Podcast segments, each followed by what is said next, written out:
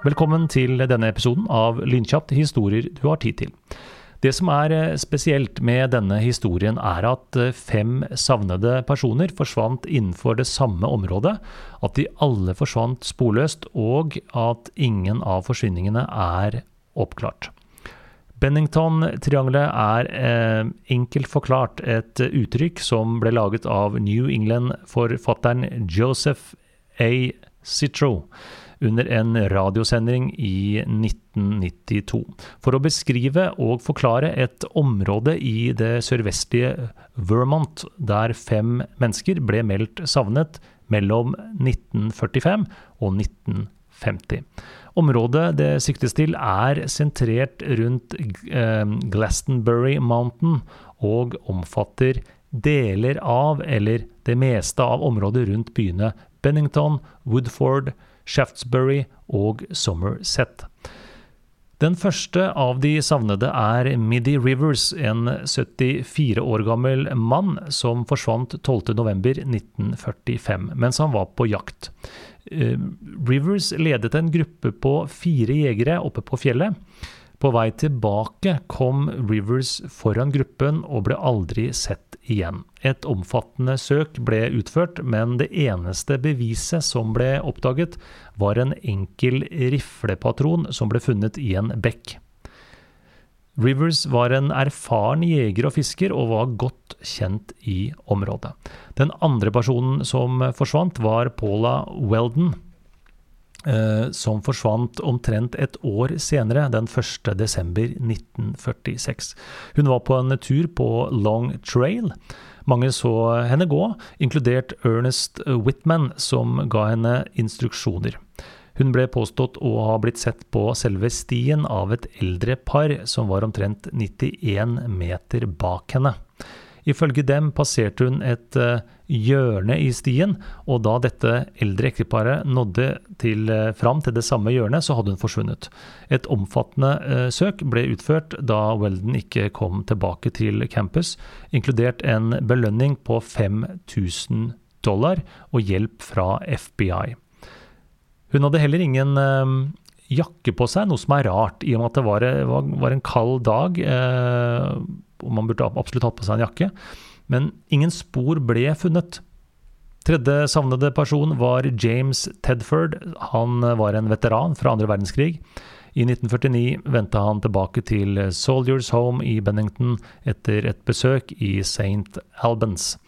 Han reiste med offentlig buss og var bare en av 14 passasjerer som var om bord da bussen forlot St. Albans. Da bussen ankom Bennington, var han ikke om bord.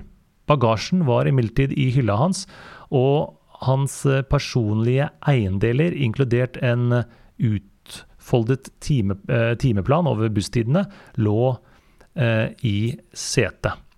Det så ut til at eh, Tedford hadde gått av bussen uten at noen andre la merke til det.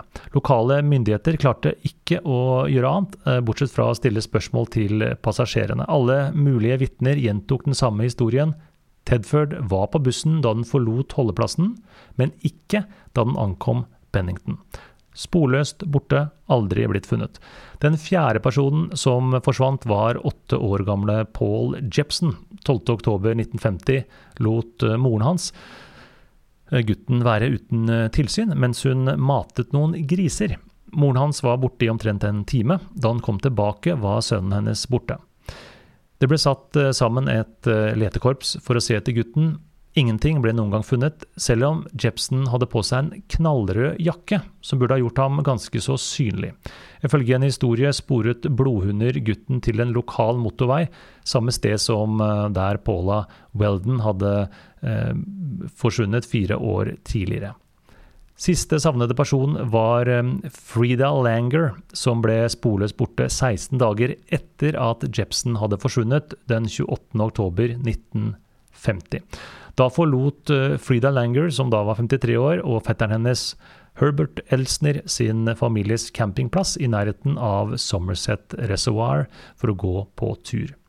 Under turen så gled Langer og falt i en bekk. Hun sa til Elsner at hvis han ville vente, så ønsket hun å gå tilbake til campingplassen for å skifte klær. og deretter ta ham igjen. Da han ikke kom tilbake, gikk Elsner tilbake til campingplassen og oppdaget da at Langer ikke hadde returnert, og at ingen hadde sett henne siden de hadde reist. I løpet av de neste to ukene så ble det gjennomført fem søk som involverte fly, helikopter og opptil 300 søkemannskap. Ingen spor etter Langer ble funnet under søket, den 12. mai 1951 ble liket hennes funnet i nærheten av Somerset Reservoir, i et område som var eh, blitt gjennomsøkt syv måneder tidligere. Ingen dødsårsak kunne fastslås pga. levningenes tilstand.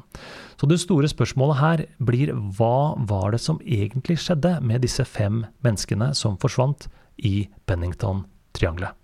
Noen mistenker en seriemorder, mens andre peker i retning av det paranormale, men ingen har klart å forklare de mystiske forsvinningene. Følg podkasten på Instagram. Nye episoder hver mandag og torsdag lynkjapt på 360 sekunder.